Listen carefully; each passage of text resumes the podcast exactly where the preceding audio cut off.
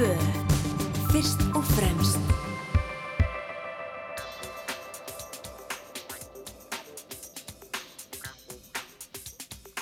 Komiði sæl og blessuð. Þá leggjum við að stað hér á Rás 2 í þættinum fram og tilbaka. Ég heiti Felix Bergsson og hlakka til að vera með ykkur allt fram til tíu frétta.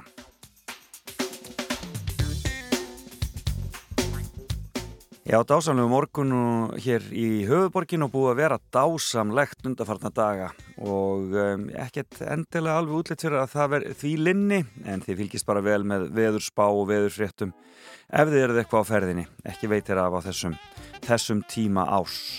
En uh, já, búið að vera dásamlegt hér í höfuborginu og við erum búin að fá norðurljós og allskeins fallegt veður sem mikið hefur verið gaman að njóta og borgin hreinlega tróðfulla fólki kíkti í bæin í gerðkvöldu það var bara reynlega dásanlegt að koma staðins nýri bæ og sjá allt þetta flotta fólk. Og það er búið að setja upp ljós og Hallgrímskirkjuna sem að er að vekja mikla aðtekli hjá gestum og gangandi. Túristjarnir taka þannig, lag, þannig myndir maður aldrei síðan aðeins mér skilst að það sé Hallgrímskirkja á regnbógin á skólaverustegnum sem eru mest mynduðu uh, hérna, mest mynduðu einstöku staðirnir í Reykjavík Selða ekki dýrar en ég kefti en ég vissum að það er mikið til í þessu.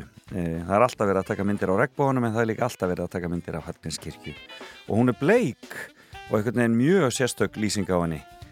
Dramatíst og flott og enda eins og ég segi voru allir að taka myndir í gerðkvöldi. Og um, mikið af fólk í bænum uh, veitingastæðinni pakkaðir og ég var svo heppin að sjá nýja íslenska kvikmynd sem ég mæli eindreið með að allir ætti að sjá og það er Sumarljós og svo kemur Nóttinn sem er nýtt verk eftir hann Elvar Aðalstinsson og það, hún var að vera sína hana í Bíóparadís en ég veit hún er í öðrum bíóun líka. Og það var gríðarlega góð stemning í bíóunu, fólki fannst greinilega mikið til koma.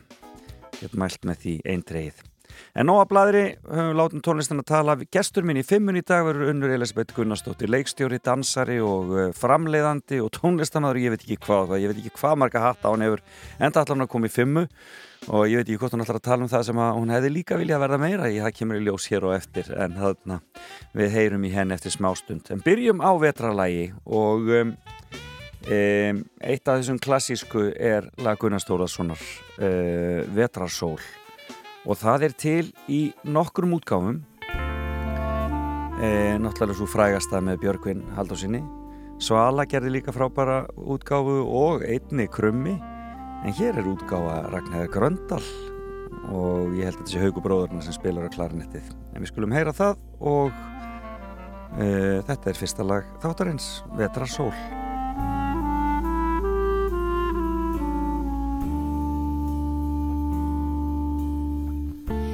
Hversverði er allt heimsins prjá ef það er enginn hér sem stendur kýr er aðrir hverf á braut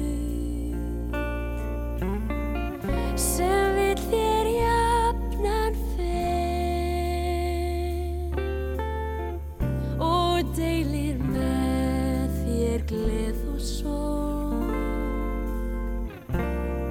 þá áttu mín en ekki neitt. Ef þú átt engan vín. Hvers virði er að eignast allt í heimi hér? En skorta sem enginn getur keitt hversu ríkur sem þú telst. Og hversu fullar hendur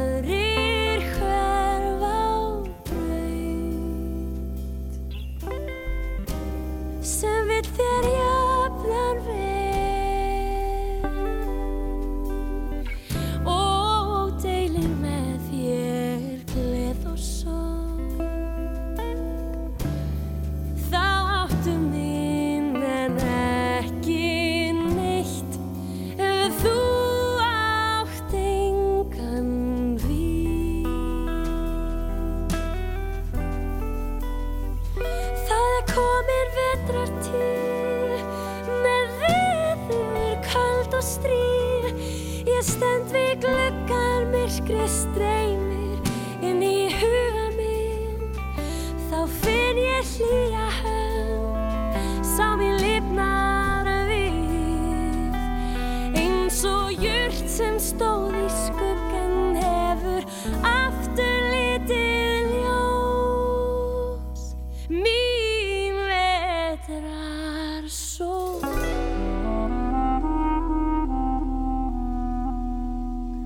er fallið útgáfa.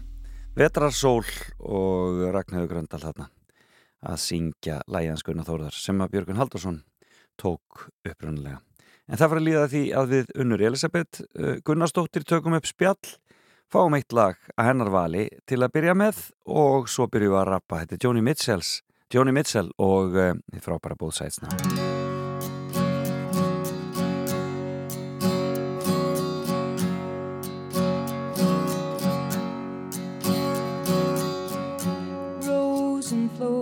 angel hair and ice cream castles in the air and feather canyons everywhere.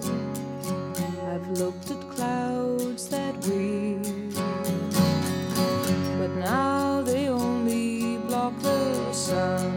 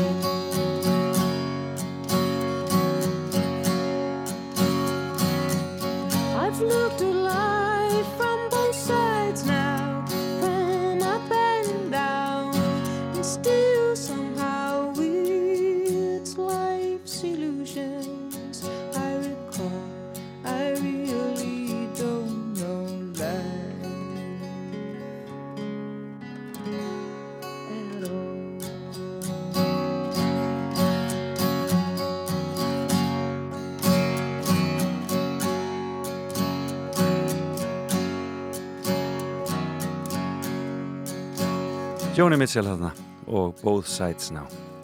Og með því bjóðum við velkomin viðmælanda morgunsins Unnur Elisabeth Gunnarsdóttir, hjartanlega velkomin.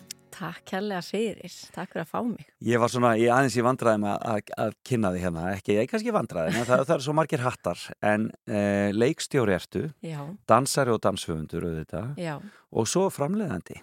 Já, og núna líka alltaf aðeins að dablið tónlist líka. Já, maður er ekki rýmislegt, sko.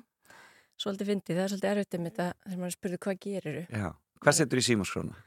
Heyrðu, ég myndi setja núna leikstjóri og dansöfundur Já, svona akkurat. fremst að svona, Já, já, það er einfaldasta. einfaldast að gera Já, ég held það, sko. Gaman að þessu En velkomin, Takk fyrir. ertu morgumanniska? Heyrðu, sko, ég er eiginlega hérna verð að vera þessa dagan út af litla stráknum mínum, sko. Já, akkurat Ég er það ekki, ég er bímanniska Þannig að sko þetta er smá svona, já það er erfitt að þurfa að vakna sex á mótnana og svona. Já, Þannig að, en þú lætur þið hafa já, já, já, já. Sjálfsögðu, sjálfsögðu. Þannig að átta, það er luxus Það er luxus, algjörlega, þeir eru ekki að koma fyrir nátt það. Er Einmitt, dásanlegt, já, þetta er góðu tími. Góðu tími á lögatarsmotni já, e, en það stendur mikið til því að þú ert að, að, að hérna, enn og aftur að setja í gang verkefnið þitt sem heitir Ég býð mig fram. Já. Hvað gerður með það í COVID? Heyrðu, það var rosalegt Ég sem sagt ætlaði náttúrulega að setja upp uh, risastóra síningu, seríu þrjú Já, sem hétt á milli stunda. Og ég byggði sko inn í 700 fermetra leikmynd, þetta var svona göngusýning þar sem áhundur ætlaði að lappi gegnum rýmið og sjá tíu mismöndi örver. Já, ég skil. Algjörlega gullfallegt að mínum mati Já. og ég hef gert þetta sjálf. Já. en svo bara skall COVID á og ég reyndi allt Já. til að koma svo koppin og var bara komið alla reglurna bara, er það verið bara fimm manns í hóp og það Já. eru tveir, tveir metrar á milli og þú veist, búin að reyna að finna út úr öllum reglum sótvarnarreglum Já. og svo bara daginn fyrir frumsýningu þá var bara, voru sviðslistir bannaðar Akkurat, það var bara svoleiðis það var svakalegt sko Þetta er í mars 2020 eða hvað? Eða í apríl? Eh, nei, þetta er hérna um haustið. Þetta er, Þetta er í- haustið, Já, þetta er já. haustið, sko. Já. Oktober, loka oktober, minnum. Ég ef við heldum alltaf þetta er þið búið Já, svona í þessu um haustið Já, sko. já, já. Það var rosalegt. Þannig ég bjóð til samt sko hérna leiksýningu heima í stofu Já, og bauð upp á að fólk myndi kaupa sig inn á link og sitja síðan í stofinni heimi á sem er teppi og pop og kók og horfa á Awesome. leiksýningu. Og hvernig gekk það? Það gekk bara mjög vel. Þetta var En mjög óvinnilegt og, og hérna... Og síndur það bara örverkin þar? Voru bara já, örverkin sett upp Já, hvert á fætur öðru þar bara í stofinni eða hvað? Já, þannig að fólk fekk svona líð eins og væri þarna með kamerunni, hún gekk Já. svona milli svona eins og að hún væri áhörandi. En skemmtilegt. Þannig að það var mjög skemmtilegt sko. En þetta er þessi örverka hugmynd að, að þú veist, byggja upp síningu, um, það eru það sama þema sem þú varst alltaf að vinna með. Sko í serju þrjú og serju fjögur er það svoleiðis. Hérna, eins og núna er hérna þemað nýr heimur Ok, og öll örverkin hafa þetta þema en, en við fjöllum um þetta mjög mismundi vegu. Hvort sem þetta er nýr heimur innan með þér, Mhm. persónlegur nýr heimur, uh -huh. ást og skilnaður og, og ný, nýtt barn og nýtt líf og allt þannig Já. eða bara hérna, miklu stærri nýrheimur og stærri, miklu stærri náttúrunum skala það verður eitthvað. Það verður eitthvað. Ertu fann að sjá mynda, er að, er að komast mynda á þetta? Já, nú eru sko tvær vikur í frumsýningu þannig að það er svona crunch time sko. Og verður er í eitthvað? Já, tjarnabíó Þetta verður veisla sko Heimili sviðslistana. Já, Meirum það komst kannski á eftir, en Já. þú komst með fimmu handa mér já, og þessi er óunnileg, ég hef ekki fengið þessa áður. Fimm hlutir sem, sem gerðust ekki en ég vildi að hefði gerst. já, Er þetta nú ekki, það náttúrulega er, já, mjög samanlegt að, hafa, að, að eiga sér draum og þrá og svo gerist kannski ekki allt. En, nei, nei en, eh, En svo er þetta líka kannski bara svona einhver atvik í lífinu sem að hefðu geta farið öðruvísi já, ég skil þig. og þú veist, og svona þessi spurning sko hvað ef þessi Akkurat, stóra spurning hún er dásamleg. Hún er, og, og bara svolítið svona, hún er náttúrulega svolítið uh, þarna, ein, ein, ein, af þessum ráðgóttum lífsins Já. hvað ef alltaf einmitt, hvað ef mamma og pappi hefði ekki hist hvað ef Einmitt. mamma hefði frekar fara á þetta ball heldur en hitt nákvæmlega. Þetta er svolítið svo pæling og eins og þennan myndin Sliding Doors, Já. sem kom út fyrir löngu Akkúrat, síðan. já. Þetta er svona þessi pæling svolítið, sko. Hvar, hvar byrjum við? Hvað er fyrsti? Hvað er fyrsta svona? Herði, fyrsta, sko, Hvað er það fyrsta sem hefði átt að gerast? sko, þetta er svolítið, fyndið, ég hérna, ég vildi óska, sko, ég hefði komist upp á Eldfjall í Antíqua Já, í Guatemala. Þetta var sko 2019, ég fór í ferðala með kærastanum mínum já, og hérna, við vorum búin að plana þetta því líkt sko mörgum vikum og undan búin að panta þessa ferð, þetta átti að vera svakalig gönguferð upp á fjallið og við ættum að hérna, tjalda á toppnum og svo áttum að vakna við sólar upp og horfa á eldfjalli gjósa, þetta átti að vera svona stórkoslega romantísk stund já sko, akkurat nema hvað, svo fengum við bara heftarlega matareitur Nei, sko vestu Já. matareitur sem ég hef upplifað. Og við vorum tvo sólarhinga bara með upp og niður á okkur hosteli. Þetta var svona hrotta þetta var eiginlega versta sem ég hef lendi oh, þannig að sko pólarnir eru svo ólíkir þetta er annarkvæmst romantískasta stund lífsins eða sko bara þú veist drullu svað Já, akkurat. Og, og hérna Það er bara þessi tveir pólar þarna. Já, og maður sko og ég er einhvern veginn sannfærið um að ég hefði verið trúlofið í dag hefði við komist upp á eldfjalli Já, þú ert alveg samfærið um það. Ég er sannfærið um það, og, en hann hefur ekki beðið mín ennþá. En, En þú ert nú þó ennþá með þann sama. Já, já, Já, það já, það er og, þennan sem fór ekki upp á Nei, einmitt. Þannig að ég, ég býð ennþá eftir þessu bónorði sko, ég held bara hann finn ekki jafn romantísk moment. Nei, það, það, það, þið viti, það, þetta var bara moment það er farið og það kemur aldrei það kemur aftur. aldrei aftur þannig að við getum alveg sleppt þessu bara. Hver, hver er sá hinn hefni? Er Handi Þorgils Helgason. Já, og þið voru á ferð þarna um Suður Ameríku á þessum tíma? Já, og fóruð í stóran túr þá eða svo leiðis já við erum búin að ferða svolítið um heiminn sko. Já. Við fórum í nokkra svona, svona mini heimsreisur. Ok, og hérna búin að skoða ímislegt áður en að COVID skall á sko. já. Þetta er svona svolítið passjón hjá okkur að ferðast um. Það er svona eitthvað sem þið funduð ykkur í saman sem sagt að, Já, já, það er rosa skemmtilegt sko. Fara til framandi slóða og, og, og láta sig hverfa svolítið inn í, inn, í, inn í samfélagið Já, en alveg, það var alveg einstök upplun, það er svo rosalega ólíkur menningarheimur, maður fekk smá svona menningarsjokk að koma þangað. Já, Það var alveg, hérna, hvernig þá? það var bara er náttúrulega mikil fátækt og, og hérna, bara, já, aðalega það hugsa ég sko, maður fær svona algjört sjokk hvað þetta er mi- miklu aftar en hjá okkur, við Já. erum í svo miklu, lifum svo miklu luxuslífi Já. og hérna, já, og bara, þú veist, maður þarf að ferast um einhverja litla báta til að komast á milli hótela sumstaðar skilur þar sem að einhvern veginn allir sitja saman í kremju nánast, nánast ofan hvort öðrum þú veist, í einhverjum pingu litlum bát Já. erfitt fyrir sjóveika konu en hérna, Já, já. en þú veist, þetta var þetta var mikið æfintýri, og upplifun já, og upplifun. En ég vildi samt óska, sko, að maður að hefði þú hefði komist upp á komist upp á eldfjalli. eldfjalli og, og farið bara frekar á McDonalds þarna skilur við kvöldinu áður. akkurat, eitthvað svona akkurat. safe. Já, akkurat, veitið þið hvað það var sem að þetta var ég sár kjúklingur, kjúklingur já, sko, eitthvað svo leiðis, já. Ekki mistök sko. Ó, maður gerir þau mistök ekki auðveldlega. Nei, Akkurat. Heyrðu, það var fyrsta, að komast Já. upp á eldfjalli í Guatemala. Já. En þarna, hvað er næst? Hvað er númið tvö sem þú vildir að hefði gerst? Sko það er svona sko ég, við fluttum til Spánar sko, eða til Sitges hérna, hvað var það, 2019, Nei, mitt, þau fórst í námið Já, þegar ég fór í mastersnám. í, í, í, í, þá, í, leiklist með áherslu leikstjórn. Já. Og hérna þá, sagt, þú veist, það er svo einhvern veginn mikið undir, maður flytur út með alla fjölskylduna, þú veist, með dóttur mína sem er að fara að byrja nýjum skóla og Já.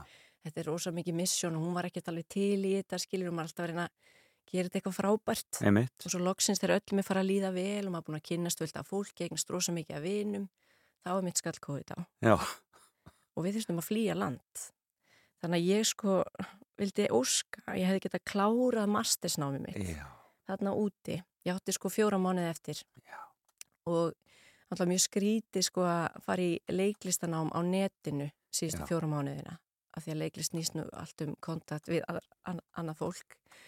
Þannig að það var svolítið svona aksjón og aksjón reaksjón svolítið glata að gera það gegnum tölvu.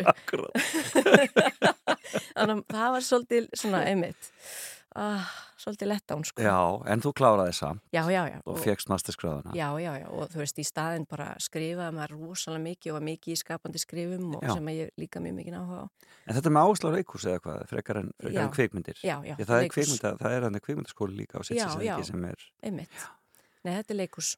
frábært. En þetta, hefði ég, ég hefði viljað þetta, fá að Þú hefði klára þetta. að. Já, þig. Eh, Hvernig þurftu þið að flýja land? Var það það var, dramatíst? það eða var bara, dramatíst. var það bara að henda öll honi í töskur og bara koma sér út? Já, þetta var sko þannig að sko, Það var bara lokast. það var bara lokast landi og voru lauruglur út um allt farin að reka fólkin í húsin sín og, og sekta fólk fyrir að vera að lappa úti og, og kíkja hún í bú- búðarpoka og sjá kvittanir hvort þau voru öruglega að kaupa bara nöðsynja vörur og fólk sem var kannski með áfengi í pokanum var bara, veist, skamma, þetta er ekki nöðsynja vara.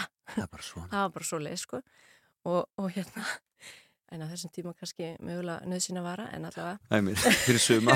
fyrir, suma en, en allavega þetta var orðið svakalett og, og sko Þorgis var farin heim Já. hann var í vinnuferð Já. og hann trúði aldrei að þetta myndi gerast hann var rosa svona, unnur það er ekkit að fara að koma ykkur pest, þetta er bara eitthvað kvef pest hann var ekki að kaupa þetta sko Nei. þannig að hann sagði, ég kem út aftur og hérna nema svo bara erum við einar þarna, ég og dóttir mín og, og svo skellir þetta allt á og við föttum bara, erðu það er bara síðasta flugið til Íslands.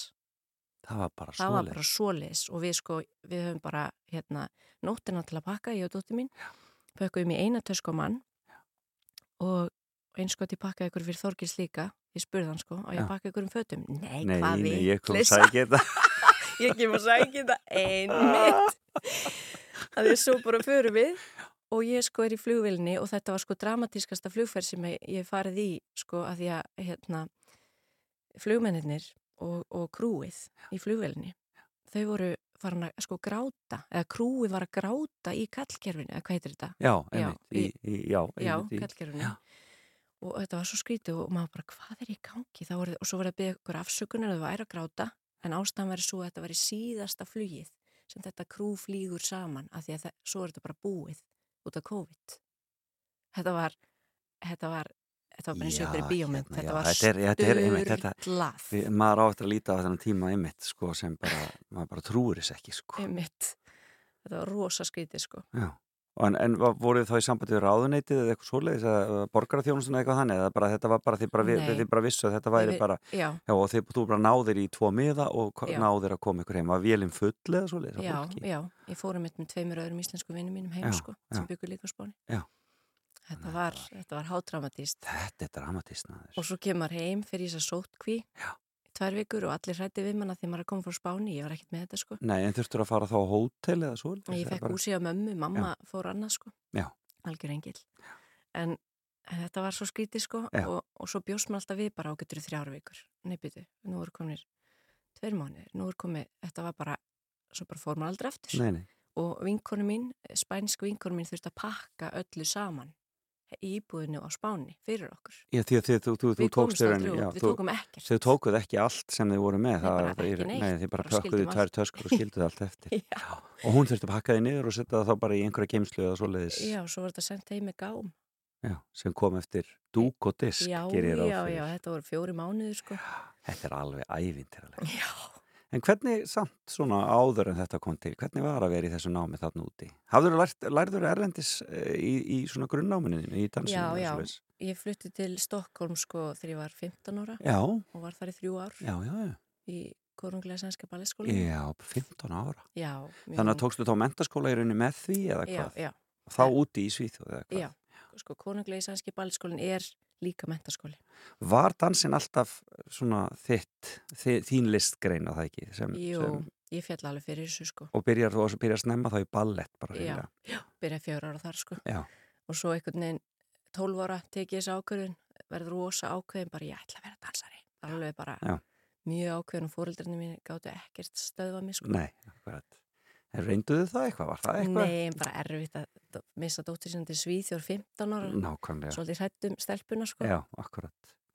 En þau, þau hefur ekkert komið með eða svo leiðis að um, Jú, fyrstu þrjá mánin Já. kom, kom mamma og stjúpappi minn með, sko, Já. til þess að bara sjá allt verið í lægi og einmitt. og var það ekki bara þannig? Jú, jú, jú. Svo var maður alltaf bara að dansa frá já. 8 til 6 alla daga. og svo bara skrið upp í rúm skriði upp í rúm og reyna að elda eitthvað. Ég en já, ég var í námið þarna í þrjú ár, sko. Já. Og svo, og svo núna þarna á Spáni í Masters.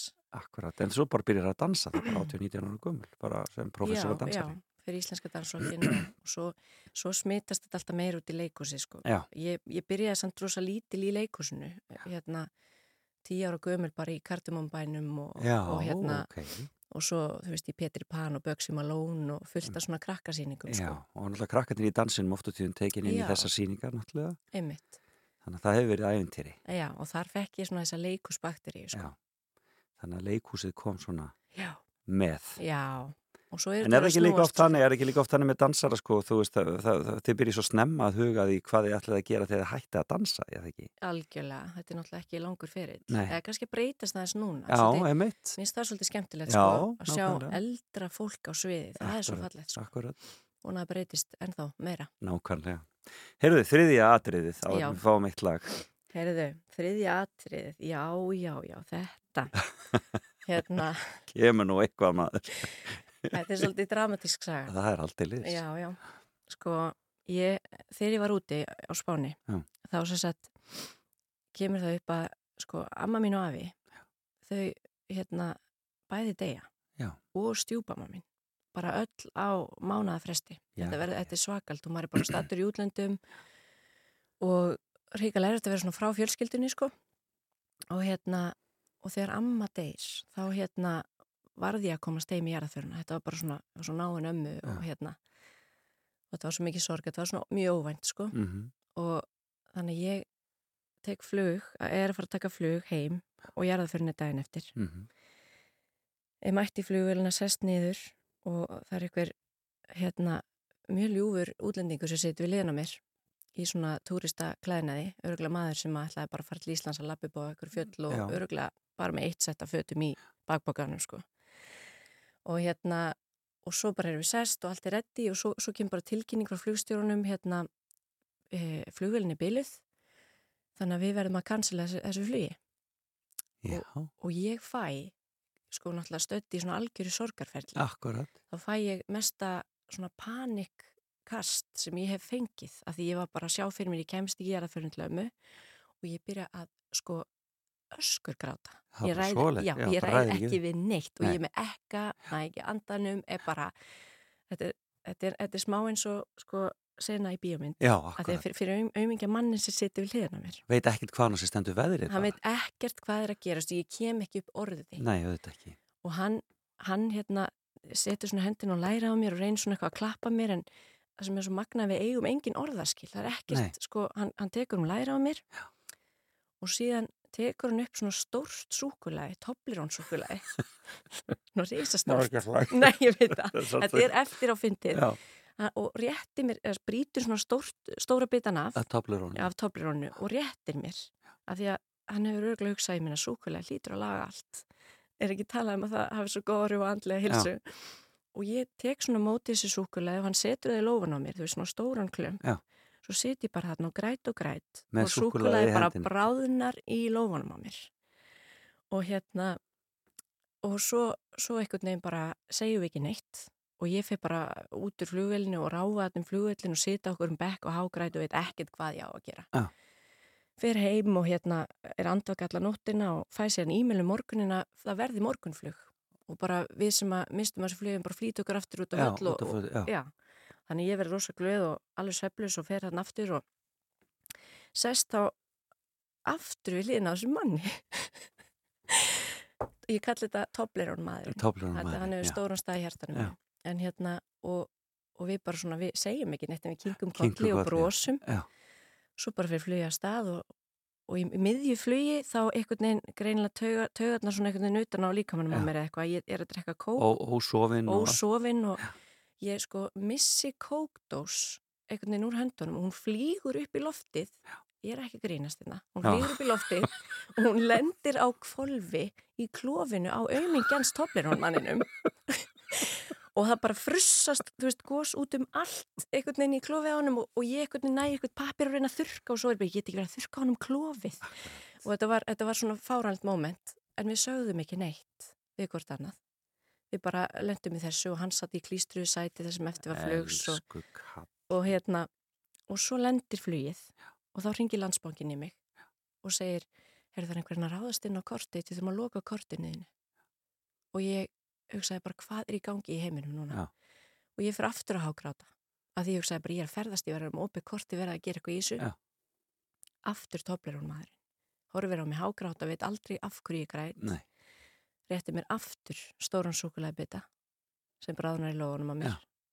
og ég er alltaf bara að hugsa hvað ef ég hefði bara sagt honum af hverju ég leið svona Já.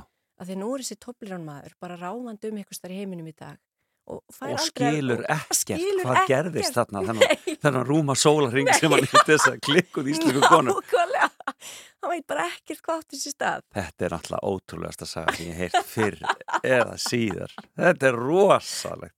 Auðmikið toplurinn maður. Auðmingja topplirán maður Heyrðu, þetta er dásanlegt. Við skulum bara taka okkur smá pásu ef við ekki bara heyra nýja lagi Nýrheimur Jú, og þetta er auðvitað tengt síningunni sem er að fara upp í þetta bíó. Allt líður, ringgrásinn reyfir þig endalust.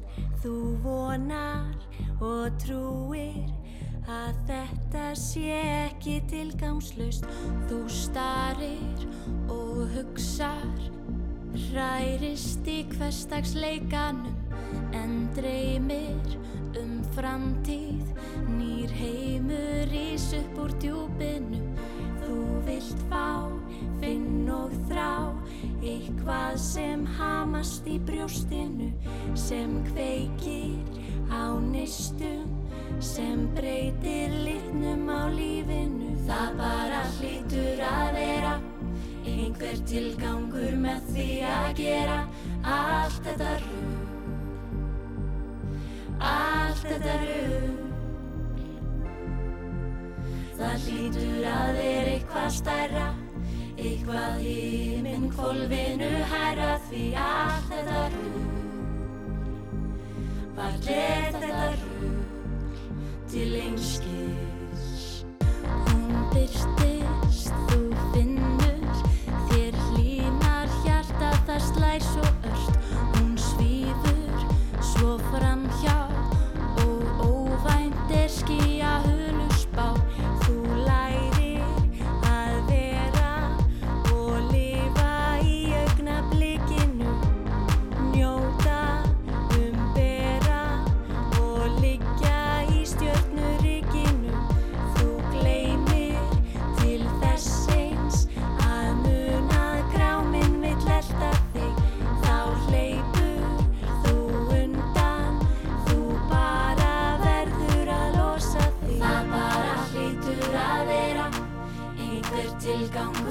því að gera allt þetta rúg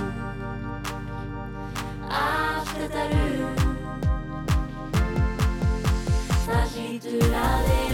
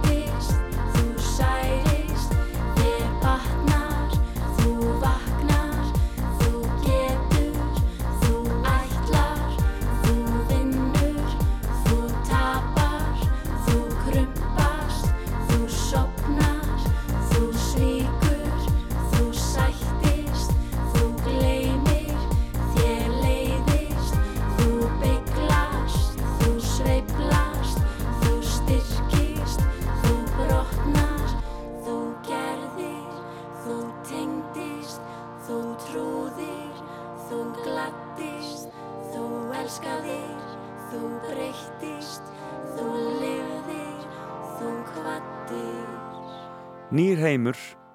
Þetta er lag með uh, viðmælanda mínum uh, Unni Elisabeth Gunnarsdóttur sem að situr hérna hjá mér. Og fleiri sem kom að þessu, hver vann þetta með þér? Þetta lag? Heyrðu, Anna-Lísa Hermannsdóttir, snillingur.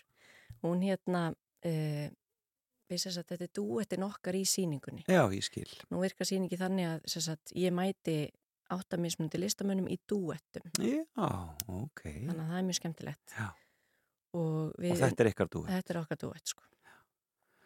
Þannig að það er mjög... Og, Svona mjög absúrt og skemmtilegt myndband. Já, En þú hefur gert það þegar með þessum sýningum hefur gert myndbönd? Já. Það var lög og myndbönd og þá mikið í það lagt Þetta sem þú gerði með krassa sig. Einmitt. svakaleg koreografi og stór hópur af fólki í mikill og erfiðri koreografi Já, það var æft mörgum sinnum. Já, það, er, og, það fór ekkert á milli mála þegar maður horfður það myndband. Einmitt. gríðarlega vel gert. Takk og einmitt svo hugsað þú hugsar í gegn þá líka uh, búninga og alla, alla, alla áferð og svoleiðis Einmitt. litapalettu og þannig Já, já, já, já. skemmtilegt gaman að sjá, gaman að sjá hvernig þið gerið í þessari sýningu þess sem Já. kemur upp eftir tvær vikur Spennandi. spennandi, heyrðu en uh, við eigum tvær hérna, tvo hluti sem gerðust ekki en ég vildi að hefði gerst eftir Já, og hver er sá fjóriði? sko, það er nú tengt tónlist, sko. Það er svona einhvern veginn, Það er tónlistin það er tónlistin. Það er svona lindu draumur. Ég vildi einhvern veginn, ég hefði orðið tónlistamæður. Já, Það var mikil tónlist í æskunni hjá mér og hjá Ava og bróðu mínum og, og já hafiðin Birgir Íslefu Gunnarsson já, uh, fyrirhandi borgarstjóri og, og sæðlabankastjóri og það allt saman Hann var rosa jazz píónuleikari. Emitt, Þannig að maður var svona oft heima hjá þeim á fjölinsveginum að hlusta á jazz og, og hérna svo bróður minn Birgir Íslefur, nafni hans. Já. hann er líka tónlistamæður og hann svona fekk mig alltaf alveg frá að ég var lítil þá var ég fengið alltaf inn í herbyggill að hlusta á öll lögin sem hann samti sko. Þar satt ég bara og hlustaði og klappaði fyrir honum. Gott að eiga svona aðdátt á heimilinu til að heyra. Brilja þannig að það var mikil tónlist sko. Já, en, En þú svo- hefur aldrei tekið stíð, stíð skrefið inn í það? Nei, ég náttúrulega hef sungið mjög mikið bara í leikursinu, í alls konar söngleikjum og, Já, og hérna og söng mjög mikið þegar ég var yngri.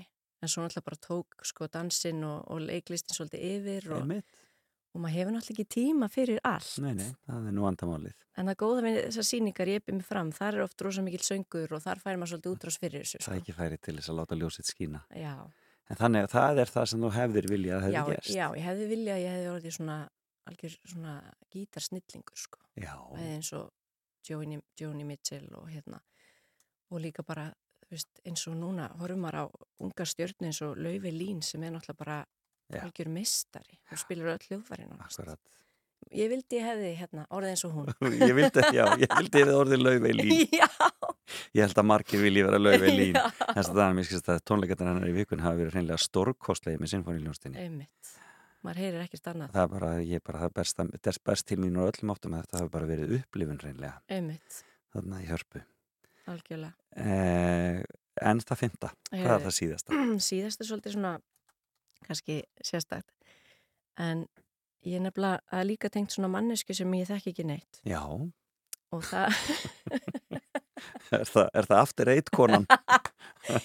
nei, það var þetta er bara svona augnablík í lífinu þar sem þú kannski bregst ekki við kannski eins og átt að gera. Já, og hérna, en þetta var svona við svona kringustæðir sem voru svolítið svona óþægilegar og, og fólk hugsa, hugsa ég tengi stert við, við þessa kringustæðir er að þú ert einhvern veginn stattur í sundklefa nakin og, og hérna og ég var á leiðinni í styrtu þannig ég stend þarna ekki með hangla utan um mig og þarna kemur kona, svona eldri kona mhm, og bara byrjar að opna sig við mig um lífsitt og, og fyrir að gráta.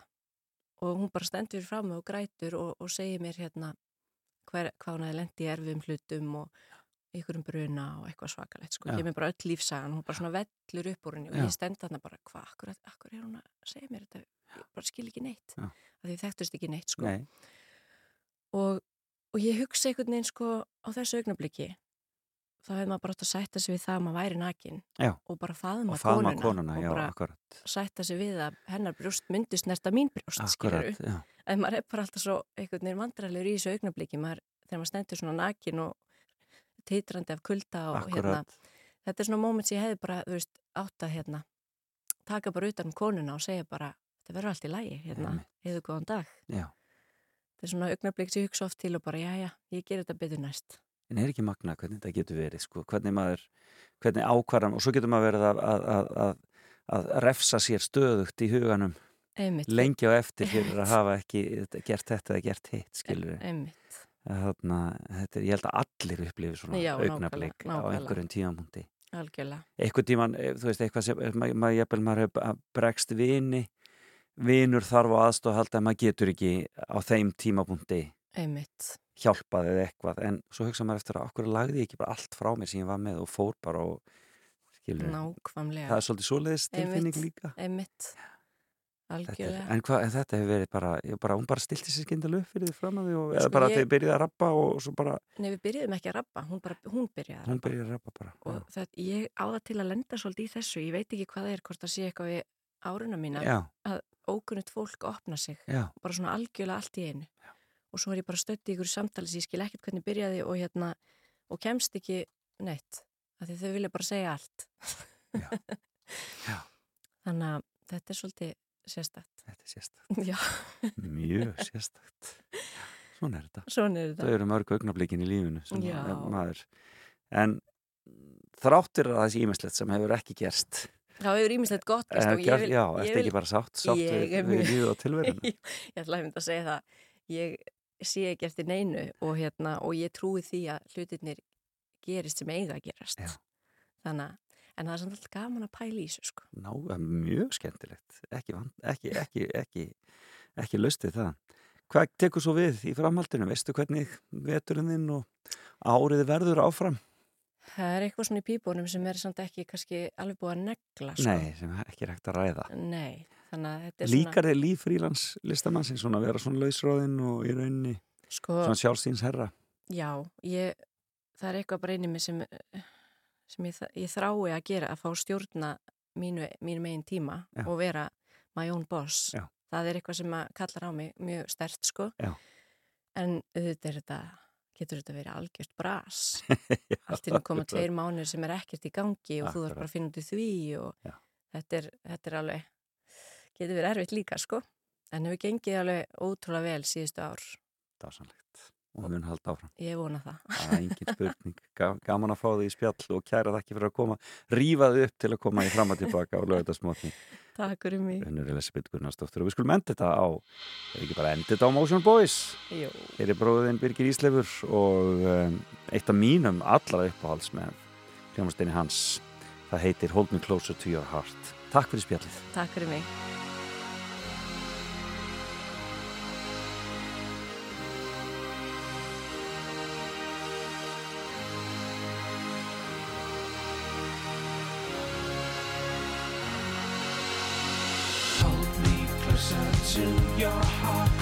left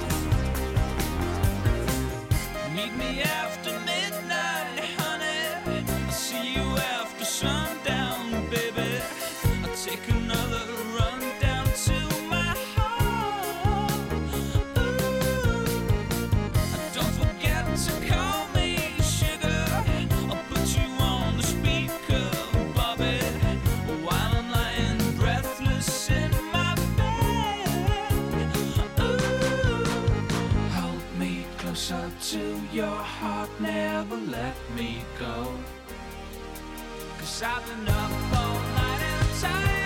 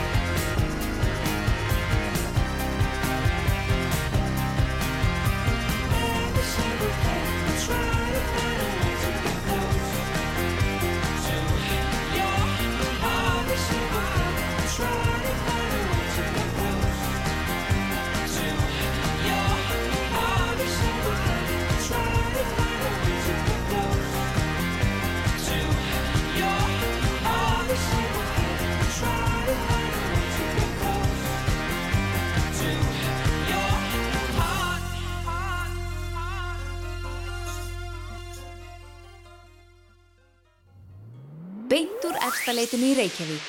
Fram og tilbaka á Rástföð.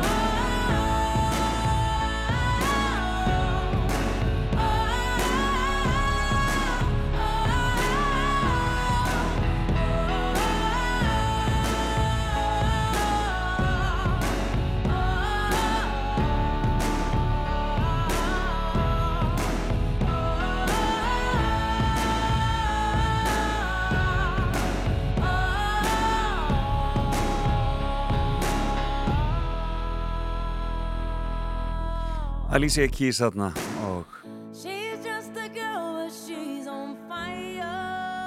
This Girl's on Fire og uh, það má mér sannig segja að hún unnur Elisabeth sem var að fara frá okkur. Sé að kraftmikil og algjörlega að gera meiri átt að hluti. That Girl is on Fire eins og maður myndi segja. En við förum að taka okkur smá pási fram og tilbaka og förum svo í, eh, förum í fréttinnar og höldum svo áfram hér allt fram til tíu. Leifum Ed Sheeran að klára þetta hann um bút af læginu hans hér sem að heitir Celestial og svo eh, höldum við áfram eftir fréttinar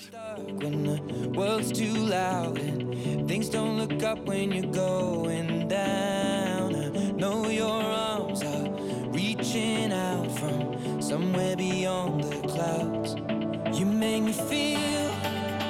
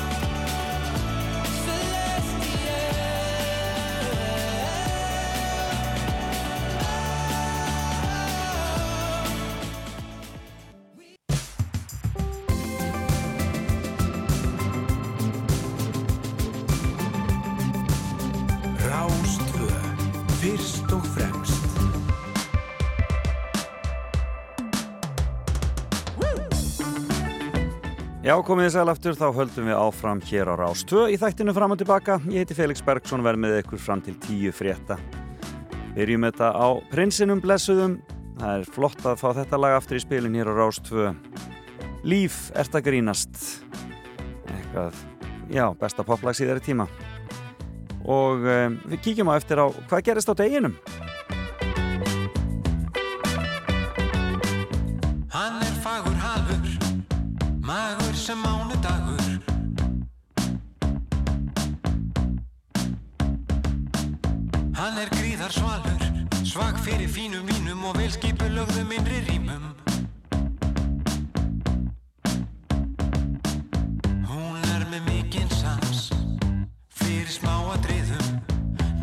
vilt að dansa. Allra kynnslóða polka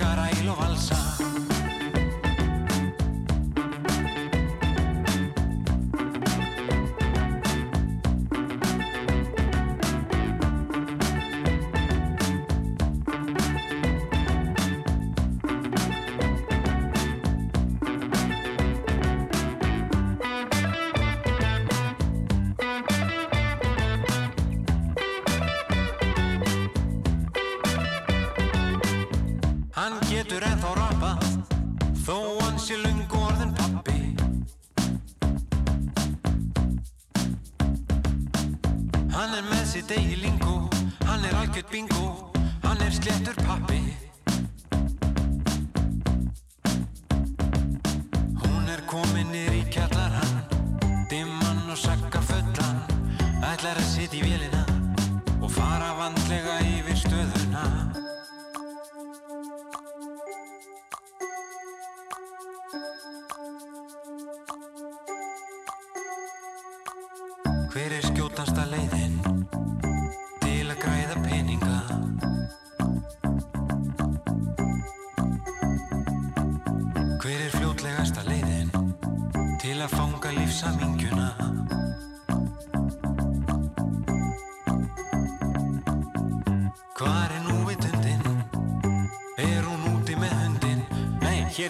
toda the Alameda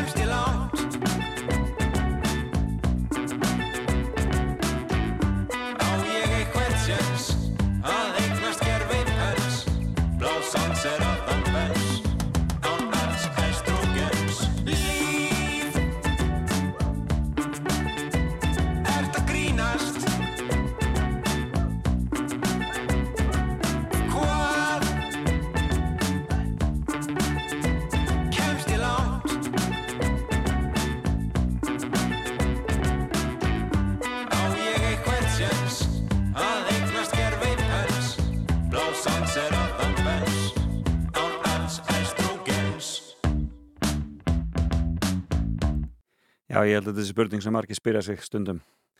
Líf er það grínast. Þetta var auðvitað prins Pól og blessuð sér minning hans. En eh, við vorum að ræða það í morgun við Unnur Elisabeth eh, um hana Lauvei Lín. Hanna langar til að vera eins og Lauvei Lín. Hvert langar ekki til að vera eins og Lauvei? Og það eru allir að tala um þessa tónleika sem hún held með sinnfórin hljónstin í vikunni. Höfðu vist er það algjörlega dásamleir. Og talandum tónleika, þá eru rosalegi rock tónleika núna um helgina, auðvitað skálmöld og dimma að gera allt vittlust. Þannig að það er allt komið á fullt eftir COVID sem betur fyrr og uh, eins og ég sagði ykkur í morgun þá sá ég það í miðborg Reykjavíkur að það var allt orðið yðandi og greinilegt að fólk er komið að stað aftur sem er gott. Þetta er bestamál. En ef við ekki bara heyra í Laufey Lín, lagið sem að svona vakti aðtekli á henni svona til að byrja með hér heima og uh, uh, enda frábær smíð, Street by Street. This view used to bring a smile to my face. Lately, it's done nothing but remind me of the way,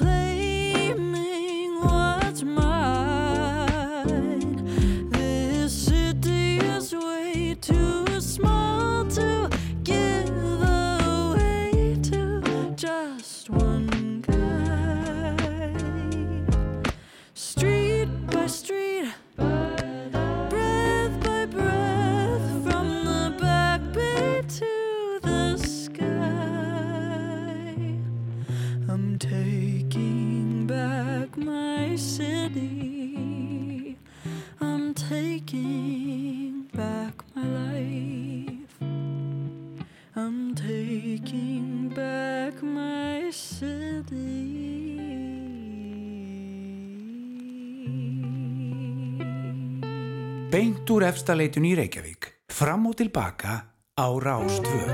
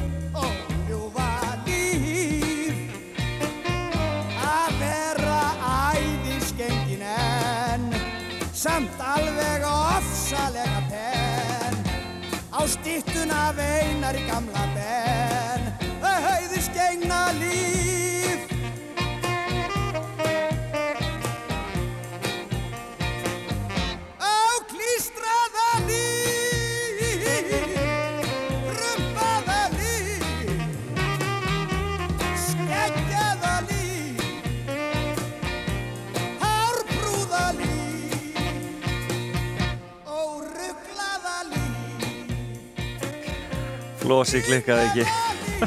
Þetta er alltaf svo skemmtilegt að rífitu Klístraða líf og krumpaða líf og skeggjaða líf og, og hárprúða líf og ég veit ekki hvað og hvað. Óljúfa líf þarna.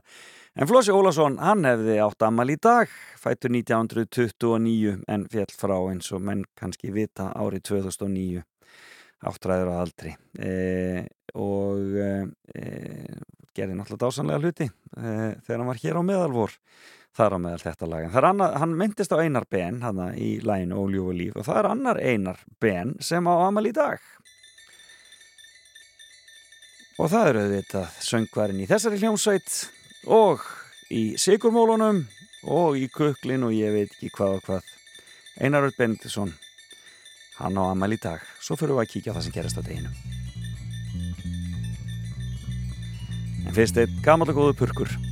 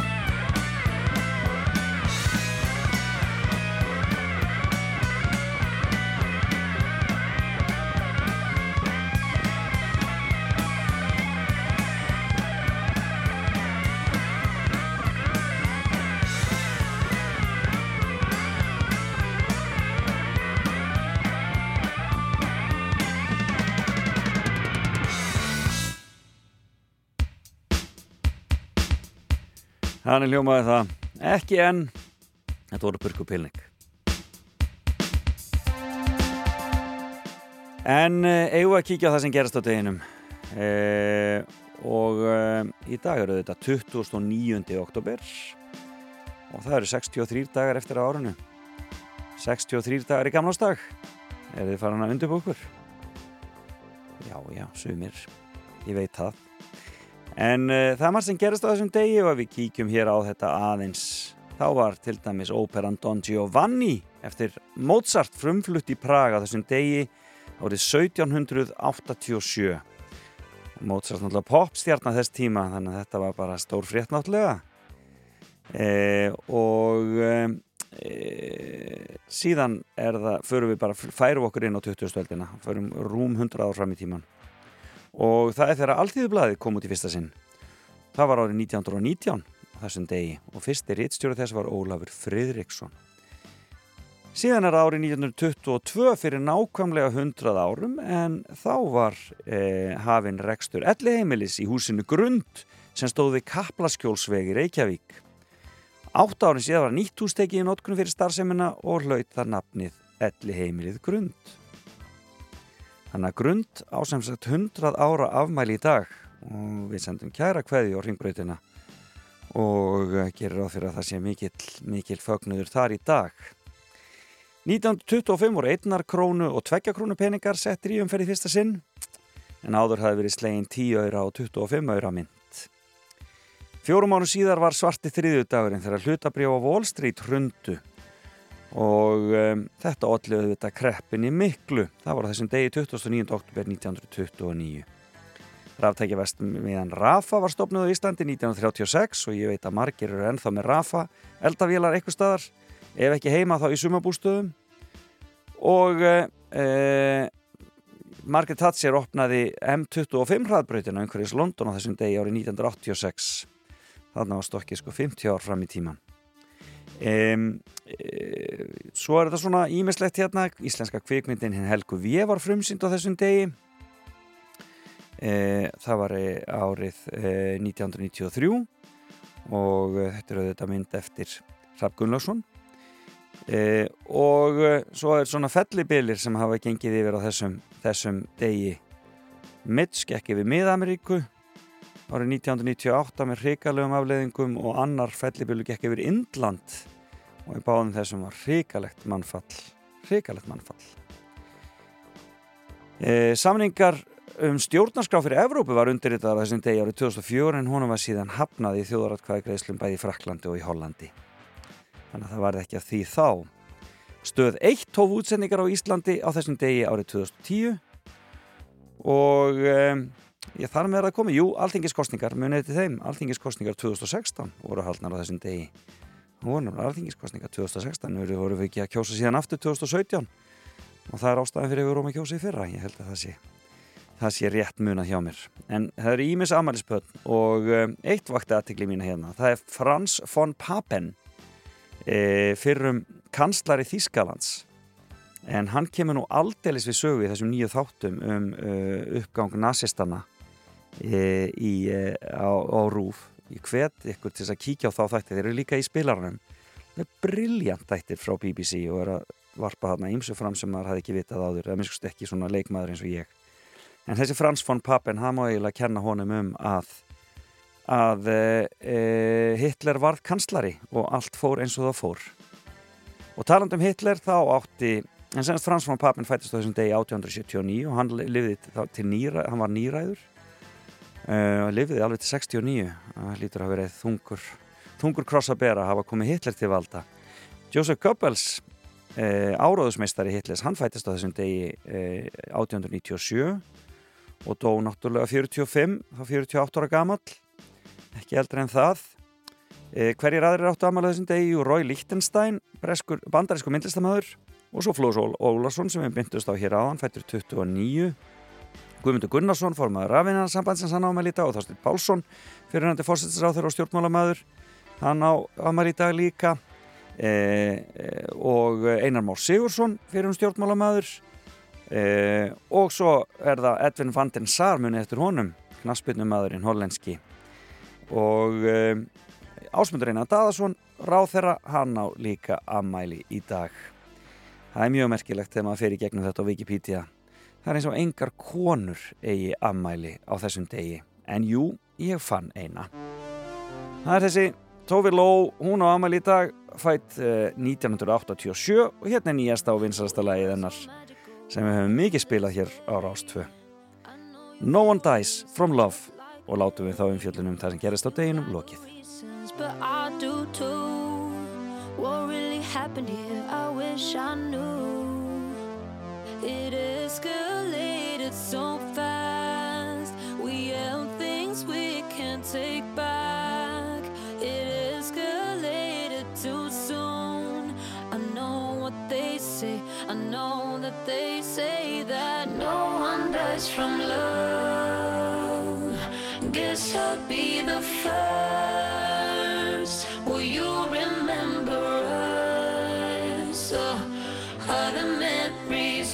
Stay with blood now? No one dies from love. Guess I'll be the first. Will you remember us? Oh, are the memories to stay with blood now? I try my best with you, you claim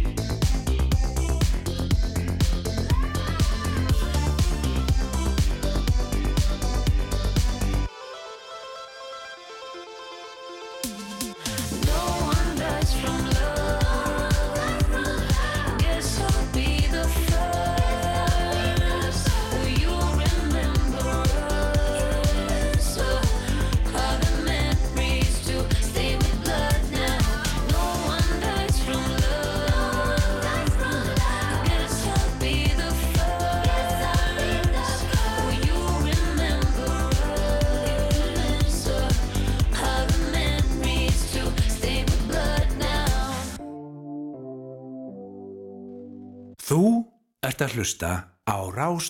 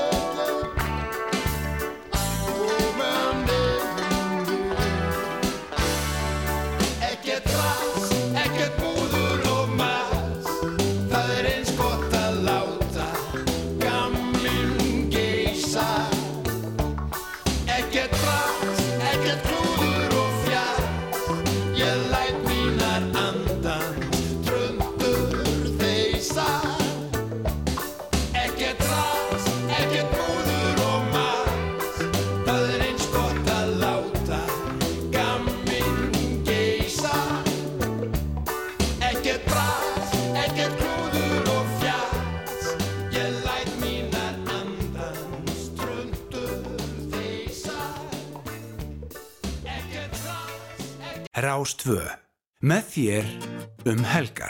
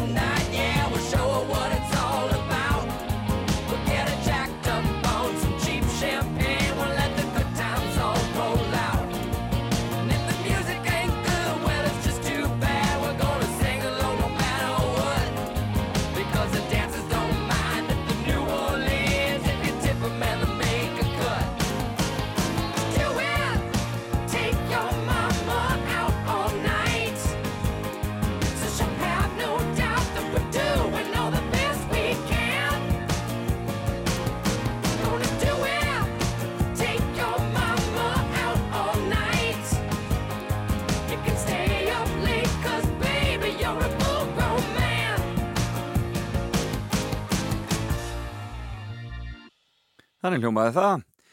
Sistur Sisters sanna og uh, Take Your Mama Out. Dásanlegt en uh, Guðni T. Jóhannesson og Elisa Rít þau hafa verið í heimsókn í Slovakíu í ofinbæri heimsókn og það er svona um, hefur farið lítið fyrir því í fjölmjölu finnst mér að þau hafa verið þar í heimsókn. En um, eitthvað samt hérna í mokkanum til dæmis í dag verið að tala um þetta. Og það var uh, svona verið að skoða ímislegt til dæmis samstarf uh, Íslands við Slovaki og við sviði í jarð, hitta nýtingar, rannsókna og nýsköpunar og uh, sem er þarna, já bara mjög gleðilegt og uh, gott að halda sambandi við, við nágrannu þjóður okkar.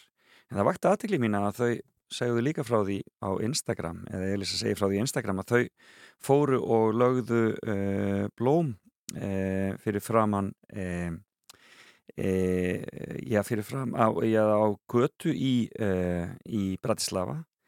E, en þar voru þarna tveir samkynniði menn skotni til bana. Fyrir framann sem sagt einhvern bar þar í borginni. Og hreitn og klár hattusklæpur og eh, ég er mjög stoltur af okkar fórseta hjónum að fara og vekja aðtikli á þessu. Þetta er óþólandi árás á hinn frjálsa heim. Og uh, gott að þau séu að taka þátt í að berjast gegn þessu. Og uh, þannig að þetta vakti aðtikli mín og hefur ekki farið neitt í fjölmiðla hér. Um, en um, þau, eru, þau eru flotti fulltrúar, lands og þjóðar En eigum við ekki að halda áfram með aðeins meiri tónlist og það er komað að benna Hemhem, nýja platan hans er aldeilis að, eh, eh, vekja aðtegli. Og þetta er lag sem við erum að spila rástu þessa dagana og heitir Lending. Stór skemmtilegt.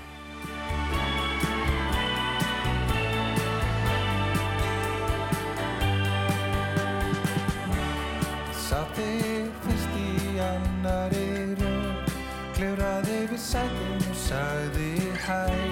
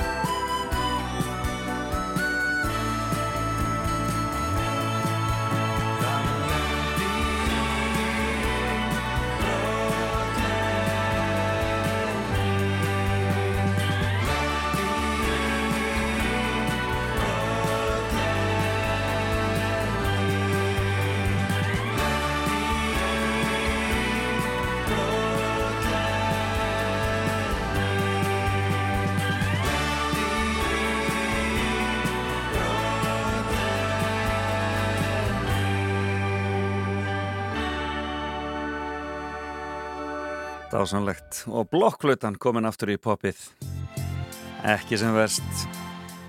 Þetta er einn frábæra dæt og gaman að rifja þetta upp. Við nöttur þessu. White Flag heitir þetta lag.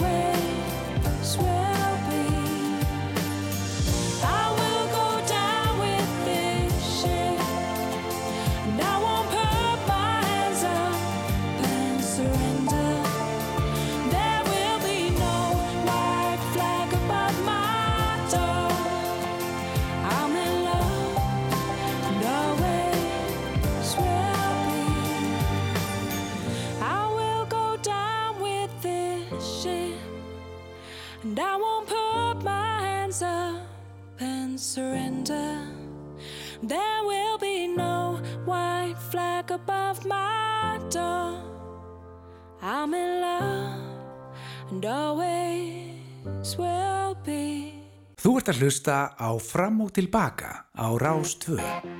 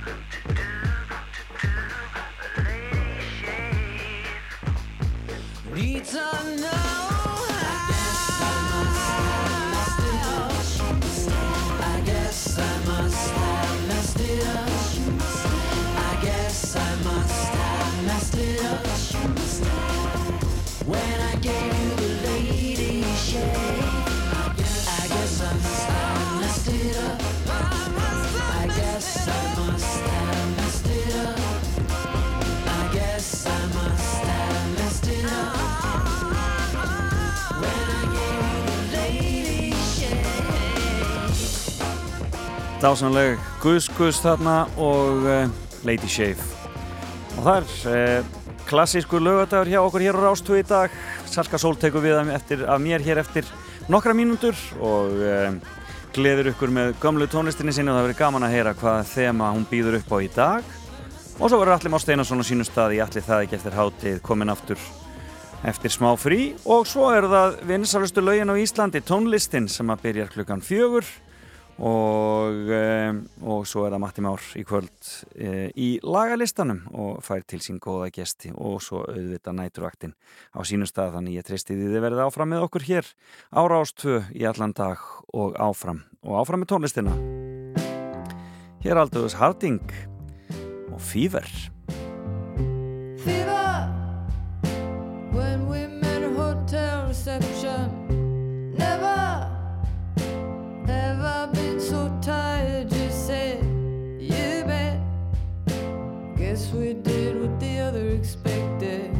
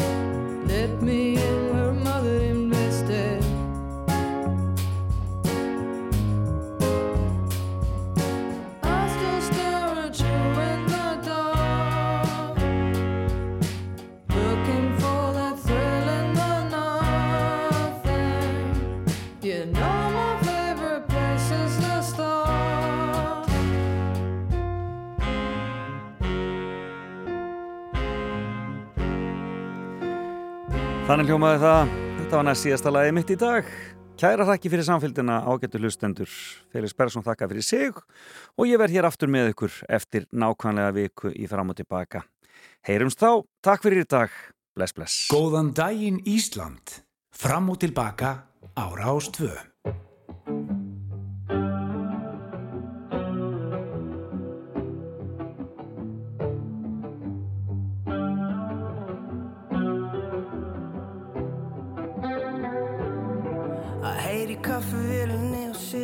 Móti þér með bolla Það gerir mig glaðan, hvað klísa er það?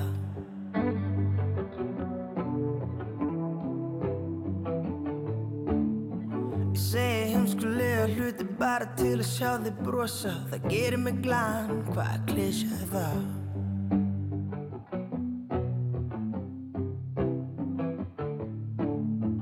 Fyrstu kosin var í kirkjugarð og þá byrjaði nýtt líf með þér Hvað klísja er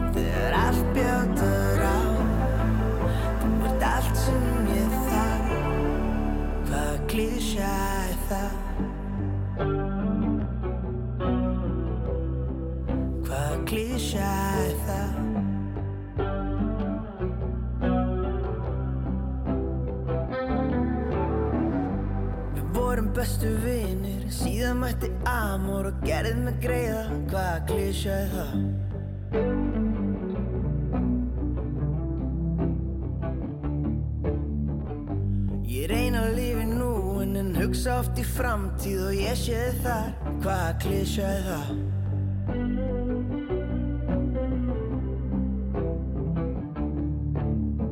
Ég ætla að kissa þig í kirkjun og þá byrja ég nýtt líf með þér Hvaða klísja er það?